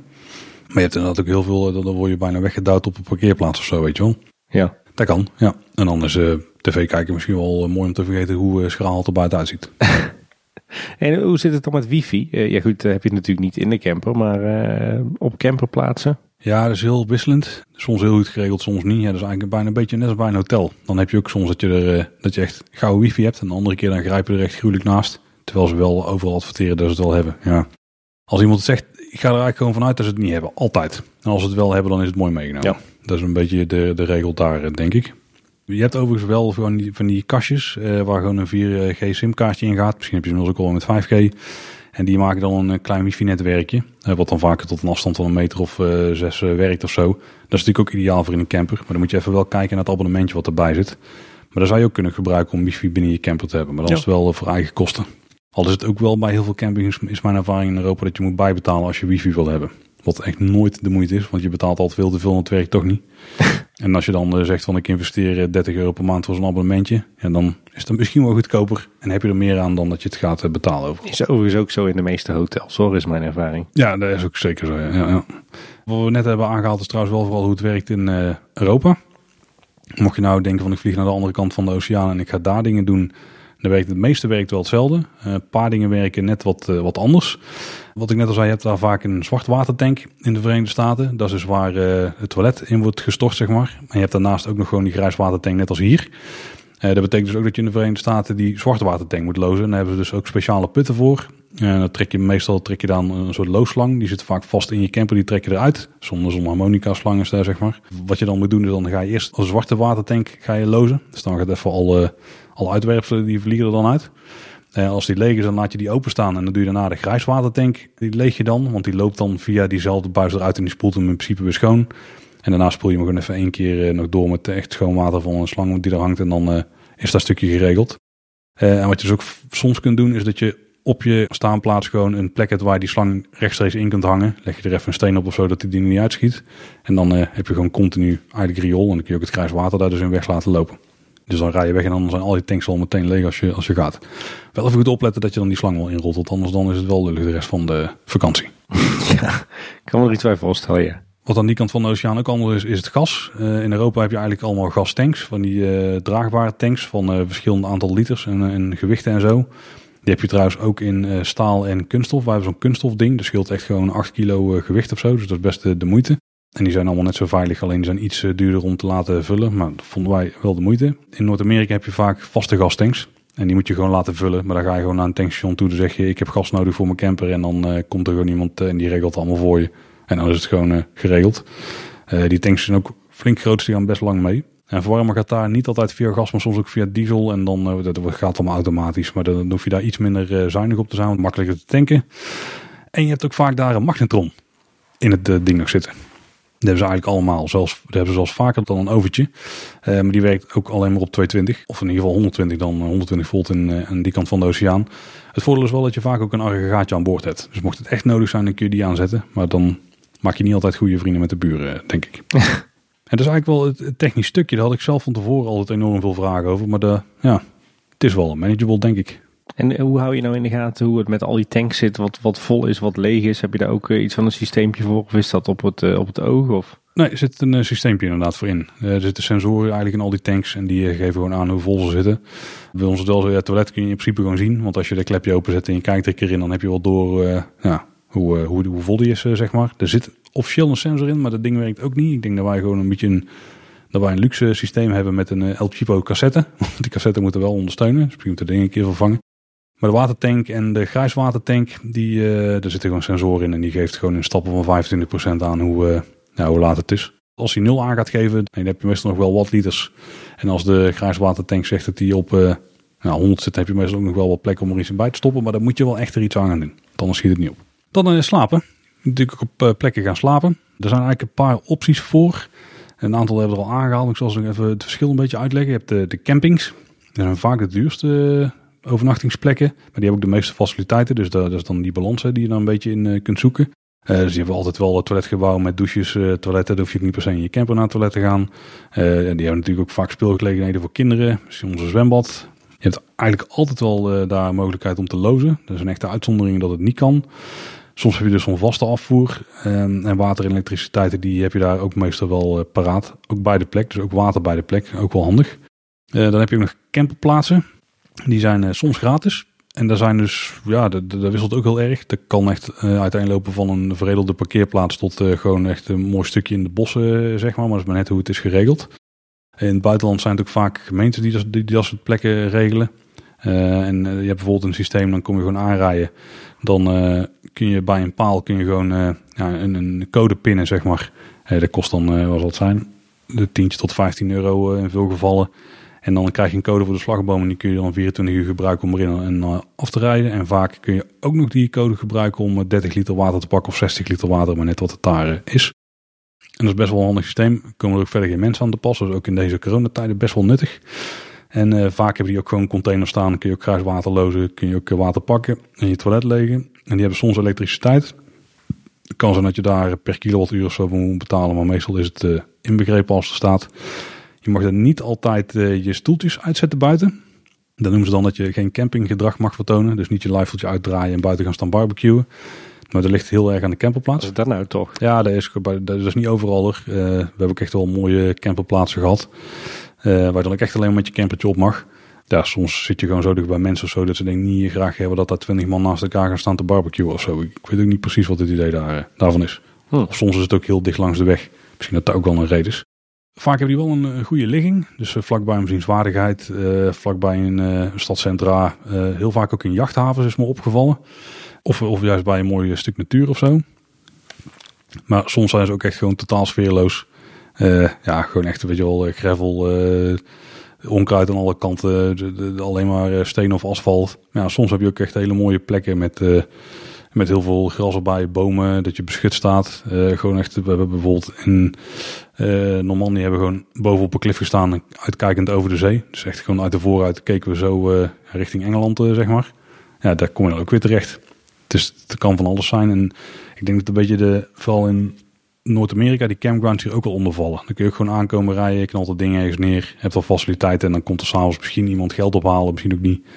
En dan besta je daarvoor, ja, dat zal zijn, 10, 15 dollar of zo. Dus dat, dat is een beetje de, de tussenvariant. En je hebt dan ook nog wild kamperen. Dat mag zeker niet overal, dus check even de regels van het land. Als het wel mag, dan zijn er ook nog vaak regels. Bijvoorbeeld in Schotland mocht het op zich wel, maar dan moet je wel uit het zicht gaan staan. Want ze willen niet overal van die witte puisten in het landschap uh, hebben, zeg maar. En dan moet je dus uh, ja, gewoon netjes gedragen, geen afval achterlaten, dat soort dingen. Maar daar hebben we wel een paar keer ook gewoon gestaan op een parkeerplaats waar een waterval of zo, uh, dat soort plekken. Vaak staan er ook wel wat andere mensen. Dan, dan geeft je wel iets meer vertrouwen dat het een goed idee is. Ja. Want soms twijfelen we daar nog wel aan. Maar het is wel zo dat het vasteland van Europa mag eigenlijk bijna nergens. Dan moet, dan, dan moet je gewoon even goed de bordjes checken of dat misschien een parkeerplaats dat die toestaat. Maar dan is het waarschijnlijk al aangegeven als camperplaats. Dus dat is ook even een goede om rekening mee te houden. In Noord-Amerika heb je dus gewoon heel veel uh, campgrounds en dat voelt ook bijna als wild parkeren. Dan heb je gewoon een stuk bos wat is afgezet, wat ook uh, hard genoeg is om overheen te rijden. En dan knal je hem gewoon echt op een random plek neer en dan, en dan is het goed. Dan kun je daar gewoon slapen. Dat is wel, dat is ook wel hele toffe, heel toffe plekken. Dat is wel de camperervaring, denk ik, toch? Dat voelt een beetje als de camperervaring, maar in de praktijk mag het dus niet op zo heel veel plekken. Uh, het gebeurt overigens wel gewoon op, uh, op plekken waar het niet mag, maar dan wordt het misschien, ja, sommige landen wordt het een beetje gedoogd, maar check gewoon even goed de regels daarvoor. Ik geloof dat het uh, in, een, in een belangrijk deel van Scandinavië wel mag, toch? Ja, en het mag trouwens bijvoorbeeld in Zwitserland ook, maar dan alleen maar op plekken boven de 2000 meter hoog. Dat is boven de boomgrens of zo, eh, volgens mij. Dat soort de, de regels heb je dan ook weer. Ja, ja. Uh, maar bijvoorbeeld in Frankrijk heb je ook heel veel boeren die het gewoon toelaten op hun land. Maar dan vaak natuurlijk wel uh, voor een, uh, een stokbroodje wat hij zelf heeft gebakken. Of een flesje wijn of zo wat hij heeft verbouwd op zijn land daar. Prima deal lijkt me, ja. Ja. En ook nog wel een goede om te noemen zijn de camper service plaatsen. dat is niet om te slapen, maar dat is gewoon wel een plek vaak bij een benzinestation of zo. En dan kun je dan gewoon water lozen. Kun je je tanks lozen, kun je je toilet lozen en dan kun je water pakken. En dat kost dan misschien 2 euro of zo. En dan ben je weer paraat om verder te gaan. Dus mocht je nou veel wild kamperen, dan is er nog wel een plek om, om even alles weer te regelen dat alles weer op orde zeg maar. En, en vaak hebben we daar dus ook containers bij. En je kan soms ook nog even een uurtje aan de stroom hangen als je wil. Een vraag die ik ook zelf wil had, van ja, maar hoe gaan we dan nou bepalen waar we gaan slapen? Want het is natuurlijk wel handig dat je als je een hoek heen gaat, dat je ook weet dat je er ergens terecht kunt. Nou kan je in de basis natuurlijk gewoon daar kaarten voor pakken. Meestal als je gaat huren, dan krijg je wel een kaart erbij en dan staan daar plekken op aangegeven. Maar wat bij ons echt enorm goed werkte, is uh, gebruik maken van een paar apps. Uh, waarvan denk ik Campercontact de belangrijkste is. Het was misschien wel de beste app of een van de meest zinnige apps die ik op mijn telefoon had. Ja. Maar ze hebben recent een update gedaan en de ding is echt helemaal om zeep geholpen. Ik heb oh. ze ook echt een mail gestuurd van de drie A4'tjes met dit moet je beter doen, want het is echt een achteruitgang. In principe is dat gewoon de perfecte app. Het werkt op een mobiel apparaat, want je bent continu onderweg. Eh, je kunt het gebruiken als passagier of als bijrijder. terwijl iemand anders rijdt, kun je gewoon dingen uitzoeken of alle slaapplekken, die kun je gewoon downloaden binnen de app. Dus daar gaat echt om bijvoorbeeld Frankrijk. Er waren volgens mij duizenden locaties waar je dan kunt overnachten. En die heeft hij gewoon allemaal gedownload. Dus je hoeft geen internet te hebben. En er zit ook een redelijk rudimentaire kaart in, zeg maar. Maar alle adressen zitten dan in. Uh, alle reviews zitten erin. In ieder geval op, op hoofdlijnen. Dus daar ben je ook wel echt even mee bezig of zo om te downloaden. Maar dan heb je wel al die data bij de hand. En die heb je gewoon overal. Die je kunt filteren op. Uh, ik wil dat er, uh, dat, ik, dat er in de buurt dat kan zwemmen. Ik wil dat ik mijn eh, kleren kan wassen. Ik wil dat mijn hond ook mee mag. Het moet zoveel meter van een centrum af zijn. En het moet op zijn minst beoordeeld zijn met een 7,5. Weet je wel, dat soort filters kun je allemaal instellen. Dan krijg je gewoon. Nou, dan blijft er gewoon over wat er, wat er overblijft. Praktisch inderdaad. Je kunt ook filteren op lengte van de camper. dat soort fratsen. Nou, je hebt overal reviews. Die zijn ook vrij recent. Die, die app wordt echt veel gebruikt. En als je nog internet hebt, dan kun je nog foto's zien van al die plekken ook. Want mensen uploaden die ook en er zit ook een soort beloningssysteempje in. Nou, daar zit echt heel goed in elkaar, die app. Alleen, daar is dus nu een beetje om zeep geholpen. Dat is dan jammer. beetje jammer. Hij is wel minder makkelijk in gebruik, maar uiteindelijk als je goed je best doet en eh, een stuk of uh, tien keer meer tikt dan vroeger, dan, uh, dan kom je er uiteindelijk wel. Mensen die hier aan werken, als je er een keer over wil sparren wat er allemaal beter kan, dan weet je me te vinden. Een andere app die ook wel goed werkt is Park for Night. Dat is een beetje een andere variant, want Campercontact, daar staan eigenlijk alle campings in, alle camperplaatsen en alle camperserviceplaatsen. Uh, maar bij Park vanuit, dat zijn voor, meer voor de wildkampeerders is daar. Staan meeste campings staan er ook wel in, maar er staan ook gewoon, weet je wel, oh hier is een uh, parkeerplaats. Daar heb ik al eens een keer overnacht en uh, ja, er waren wel hangjongeren, maar dat was verder prima. Weet je wel, een beetje die variant. Okay. Dat is misschien ook wel handig, ja. die hebben wij in Schotland redelijk veel gebruikt. En dan zijn we toch wel op drie toffe plekken terechtgekomen. Ook wel een paar keer dat we ergens dachten van... Uh, oh, was dit dan de plek waar we dan zou moeten gaan slapen? Nou, we rijden nog wel even een kwartiertje door... Eh, totdat we bij een camping komen. Want die wist ook dat er eentje zat, weet je wel. Ja, en ik denk dat uh, Noord-Amerika hebben wij dus geen gebruik gemaakt van apps. Maar daar zul je ook vast wel apps hebben. Maar daar hebben we heel veel met een kaart gedaan en een boekje wel wat meegekregen. En zo kom je een beetje bij die slaapplekken. En wat wij eigenlijk doen is we bepalen van waar willen we heen. Wat we willen ongeveer gaan bekijken. En waar kunnen we dan in de buurt slapen. En dan, dan heb je meestal wel drie opties en die slaan we even op als favorietje. En dan als we in de buurt zijn, dan denken nou, dan pak je even het kaartje met favoriet. Uh, oh, die is een kwartiertje hier vandaan, dan gaan we daarheen of tien minuten of weet ik veel. En dat werkt eigenlijk best, uh, best prima. Nou, Klinkt logisch, ja. Is het dan nodig om vooraf je plek te reserveren? Ja, daar valt wel mee. Uh, onze ervaring daar, daar hebben we misschien geluk mee. We zijn nog nooit echt in het hoogseizoen weggegaan, behalve afgelopen zomer. Ja, en toen was het natuurlijk corona gedoe, dus toen hebben we eigenlijk nergens hoeven boeken, volgens mij. Maar één camping echt, dat, dat we belden van tevoren en dat het moest. Omdat er al nog geen plek was. Uh, maar wat je, wat je gewoon kunt doen is check even de reviews. Want vaak heb je mensen die er in de afgelopen week of twee weken zijn geweest. En die zeggen dan van, ja, het was wel nodig om te boeken. Of uh, ja, plek zat, uh, kan gewoon aanrijden, weet je wel. Dus check dat dan even. maar als je het niet vertrouwt, bel gewoon van tevoren. Dan weet je in ieder geval dat je zeker terecht kunt. En dan kan het niet, dan zoek je gewoon een ander plekje. Maar ik denk dat van alle, hoeveel plekken hebben wij overnacht? Ik heb geen idee. Maar er zullen er, ja, er zullen er wel 70 zijn denk ik. Ik denk dat we misschien vijf keer echt hebben gereserveerd. Oh, dat valt nog alles mee inderdaad. En de rest is gewoon aankomen waaien. En misschien hebben we één of twee keer misgegrepen. Maar dan rij je weer eh, tien minuten, kwartiertje verder. En dan is er vast wel weer een andere plek. Als je trouwens kort verblijft, wat je vaak wel met de camper doet. Dat je ook wel later op de dag aankomt en dan vroeg weer weg bent. Dan is het, dan is het eigenlijk nooit nodig om... Uh, om vooraf te boeken. Meestal uh, ze dan wel een plekje waar je gewoon kunt gaan staan. Soms buiten de poort en dat moet je dan wel willen. Maar dan kun je er wel gewoon gebruik maken van een faciliteit. En dan is daar ook nog een optie. En als je meerdere dagen zal staan, dan is het wel de moeite om te bellen. Want dan zorg je ook dat er een plekje is waar je dan kunt blijven staan. Dat je niet hoeft te verkassen namelijk naar uh, iedere nacht. Want dat schiet natuurlijk niet echt op. Nee, ik kan me voorstellen dat je daar niet vrolijk van wordt. Nee hey, en even voor mijn beeld, Paul. Jij, uh, jullie komen met het uh, gezin in de camper, komen jullie ergens uh, aangereden op zo'n, jullie rijden zo'n camping op of een camperplaats op. En dan? Nou, dan bepalen we eerst even waar we gaan staan. En dan komt dan toch een beetje de scouting brein in mij naar boven. Dan check even hoe laat het is, waar de zon staat. En dan zorg ik dat ik niet s ochtends recht met mijn bakjes in de zon zit. Want het trekt allemaal niet. dus dan kijk even tactisch van waar gaan we zorgen dat de deur zit. En misschien waar staan de bomen, dus valt de schaduw over het ding heen of niet. Ook een beetje ligt weer aan de tijd van het jaar. En dan manoeuvreren hem erin. En eigenlijk als je hebt bedacht van dit is de plek waar we er staan, dan is er altijd één ding wat je moet doen. En dan is even kijken, staan we waterpas?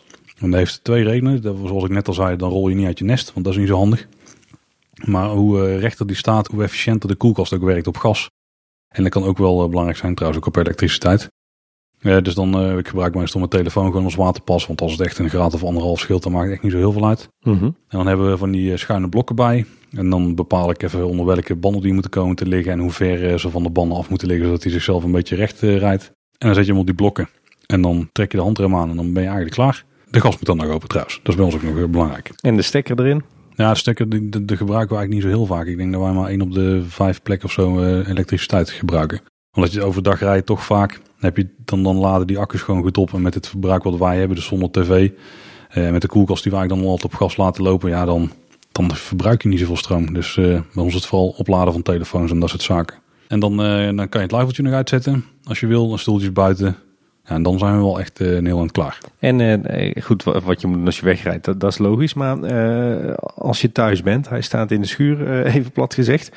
Heb je dan nou nog, nog wat onderhoud aan of bepaalde dingen waar je rekening mee moet houden als je hem niet gebruikt? Ja, je moet wel zorgen dat de tanks in ieder geval goed leeg zijn. Want dat is wel heel vervelend, dat als er water in blijft staan, zeker in je grijze watertank, dat gaat echt enorm meuren.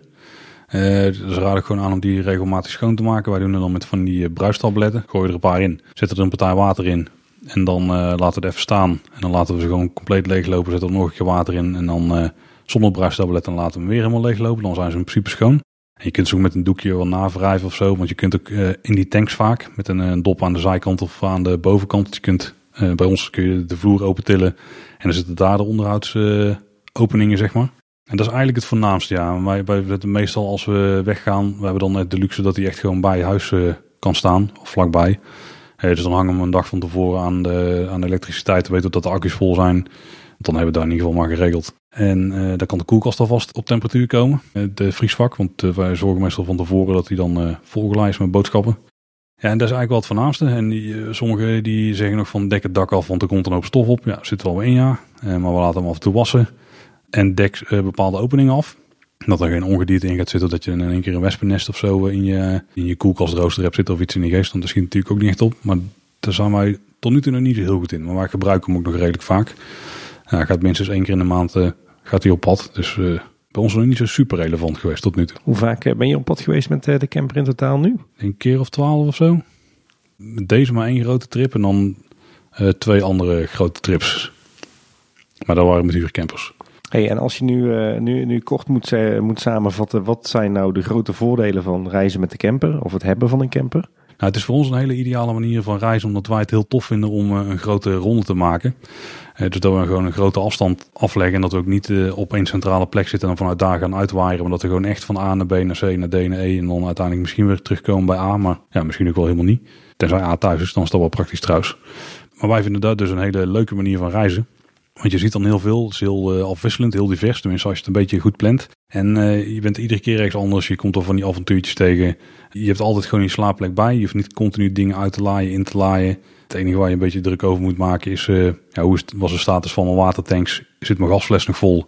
Want die moet je misschien onderweg ook nog een keer laten bijvullen of wisselen. En loopt mijn accu niet in kaart leeg omdat ik al vier dagen op dezelfde plek sta? Nee, maar dat was het eigenlijk. Kijk, het enige waar ik wel nog voor vrees is dat we een keer met pannen komen te staan. Ja, ook daar heeft de verzekering dan gelukkig weer wel voor bedacht. Dus dat komt dan ook vast, uh, vast goed. Want verder is het wel, ja, je hebt wel weer een auto erbij. Hè? Dat ding moet ook onderhouden worden. Ja. Maar het reizen op zich is wel een manier die ons heel erg goed bevalt. Ja. Alles bij de hand. Het is uh, een stuk luxer dan een tent. Uh, is het slechte weer, maakt eigenlijk ook niet zo heel veel uit. Want ja, je zorgt gewoon dat je je regenkleren binnen in je camper aantrekt. En even als je terugkomt, dat is wel vervelend. Want dan sta je eruit te druipen. Maar ja, dan hang je daar bijvoorbeeld in de, de douche. En dan uh, is het ook niet zo'n groot probleem. Een keer met, een handdoek over de grond en dan is het weer geregeld. Maar als je in een tentje zit, is het toch een stuk vervelender. En het is ook weer niet zo, zo luxe als een hotel of als een, uh, of als een huisje gaan zitten. Maar het is wel heel anders. Kijk, die andere manieren van vakantie vieren, die trek ik ook nog steeds heel, uh, heel goed. Maar nu focussen we even op, op dit. We hebben het twee keer gedaan of één keer gedaan eigenlijk, ja, omdat het toen heel handig leek met kinderen. En daar is dus wel echt het geval. Dus als je lange stukken wil afleggen met kinderen, is het zo relaxed dat je gewoon aan de kant van de weg kunt stoppen. En hoeft niet eens bij een benzinepomp te zijn. Je hebt altijd een toilet bij de hand. Uh, hebben ze zichzelf uh, helemaal, weet ik veel, ondergesmeerd met eten of zo. Heb je altijd doekjes bij de hand, kun je ze schoonmaken, kun je ze schone kleren aan doen. hebben ze dorst, willen ze eten, dat is ook geen probleem, want daar zet je gewoon voor een neus. Ze hebben daar gewoon een hele tafel zitten en je kunt gewoon weer verder. En je komt heel makkelijk, heel snel op mooie plekken. En het is niet zo'n heel vervelende manier om er te komen. Je hebt me zo goed als overtuigd, Paul, moet ik zeggen. Ik eh, begrijp nu eh, een heel stuk beter eh, wat er zo fijn is aan het reizen met de camper en het, het hebben van een camper. Dat valt niet tegen. Het was niet mijn missie, maar wel fijn dat die dan toch geslaagd is. Ik ben bang dat je me nog net niet kan overtuigen om mezelf er ook aan over te geven. Maar heeft meer te maken met het feit dat ik uh, überhaupt niet zo van het autorijden ben. En zeker niet van het autorijden of rondreizen op vakantie. Maar goed, dat wisten we natuurlijk al langer van elkaar. Dat we allebei van een ander soort vakantie houden. En uh, dat is ook verder prima. Maar ik denk dat bij de manier hoe ik het liefst vakanties vier. En hoe wij als gezin het liefst vakantie vieren. Dat daar de camper niet bij past. Maar goed, ik, ik snap nu wel een stuk beter waarom jij er zo van houdt. En waarom het voor jullie zo ideaal is. Dus goede toelichting. Weet je wat we doen, Tim? Als straks al die corona-ellende voorbij is, dan gaan we een keer met z'n tweeën een roadtripje doen naar uh, Park Asterix, Europa Park. En kies nog maar iets anders in Duitsland. Doe een rondje, maak er een lang weekend van. Met twee bedden, dus dat komt helemaal goed, hè? Godsamme, dat klinkt wel heel erg aanlokkelijk, ja. En dan kunnen we mooie buitenwereld afleveringen op gaan nemen. Potverdorie, Paul. Dat, uh, daar ga ik je aan houden, weet je dat? Het is trouwens ook een verrekkers zachte omgeving. Dus akoestisch is het heel, uh, heel goed om op te nemen daar. Maar mag ik er dan ook Puy de Fou van maken, ondanks dat dat niet in Duitsland is? Nou, goed idee. Want dat, dat zijn van die afgelegen, afgelegen plekken ver van grote steden waar wij dus nooit komen. Omdat we altijd rond grote steden uitwaaien. Ja, daar wilde dus afgelopen zomer in gaan. Maar vanwege een steeds donkerrood kleurende gebied daar in die omgeving zijn we daar uiteindelijk niet, uh, niet terecht gekomen. Ja, maar dat wordt dan wel een, eh, een soort kleine boodschap om tour. Dus dan moet je toch uh, de, de camper aan de buitenkant blauw laten stikken. met ons, ons logo erop natuurlijk hè. Ja, dat clasht wel een beetje met de kleren, die kleur die hij nou heeft. Maar voor, volgens kentekenbewijs is hij geel. Maar daar heeft echt helemaal niemand uh, erin kunnen zien. Nog dat dat erin oh. zit.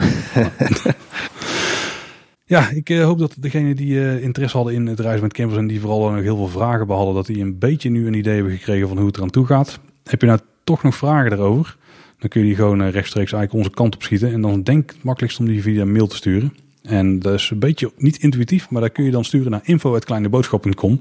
Want kleineboodschap.com slash de buitenwereld is natuurlijk ook de plek waar je onze aflevering kunt vinden. Ja, inderdaad. En eh, wil je verder contact met ons opnemen, dan eh, moet dat toch eh, via de social media kanalen van Kleine Boodschap. Want ja, uiteindelijk maken wij naast de buitenwereld natuurlijk vooral de podcast Kleine Boodschap over alles Efteling. we zijn te vinden op Twitter als @kboodschap en op Facebook en Instagram als Kleine Boodschap. Zeker, dat was in ieder geval voor deze keer. En zoals je in de intro al kon horen, de volgende aflevering die gaat over de mooiste plekjes in Nederland, Tim. En daar ga je ons alles over vertellen. Ja, ik ga mijn best doen uh, om jou te overtuigen, Paul. Nou, ook dat was trouwens het plan om deze zomer te gaan doen. Maar toen hadden we toch de mogelijkheid om naar Frankrijk te gaan. Dus toen zijn we daarheen gegaan. Bof komt. Dat was uh, niet verkeerd, nee. Maar voor nu in ieder geval bedankt voor het luisteren. Tot de volgende keer en houdoe. Houdoe.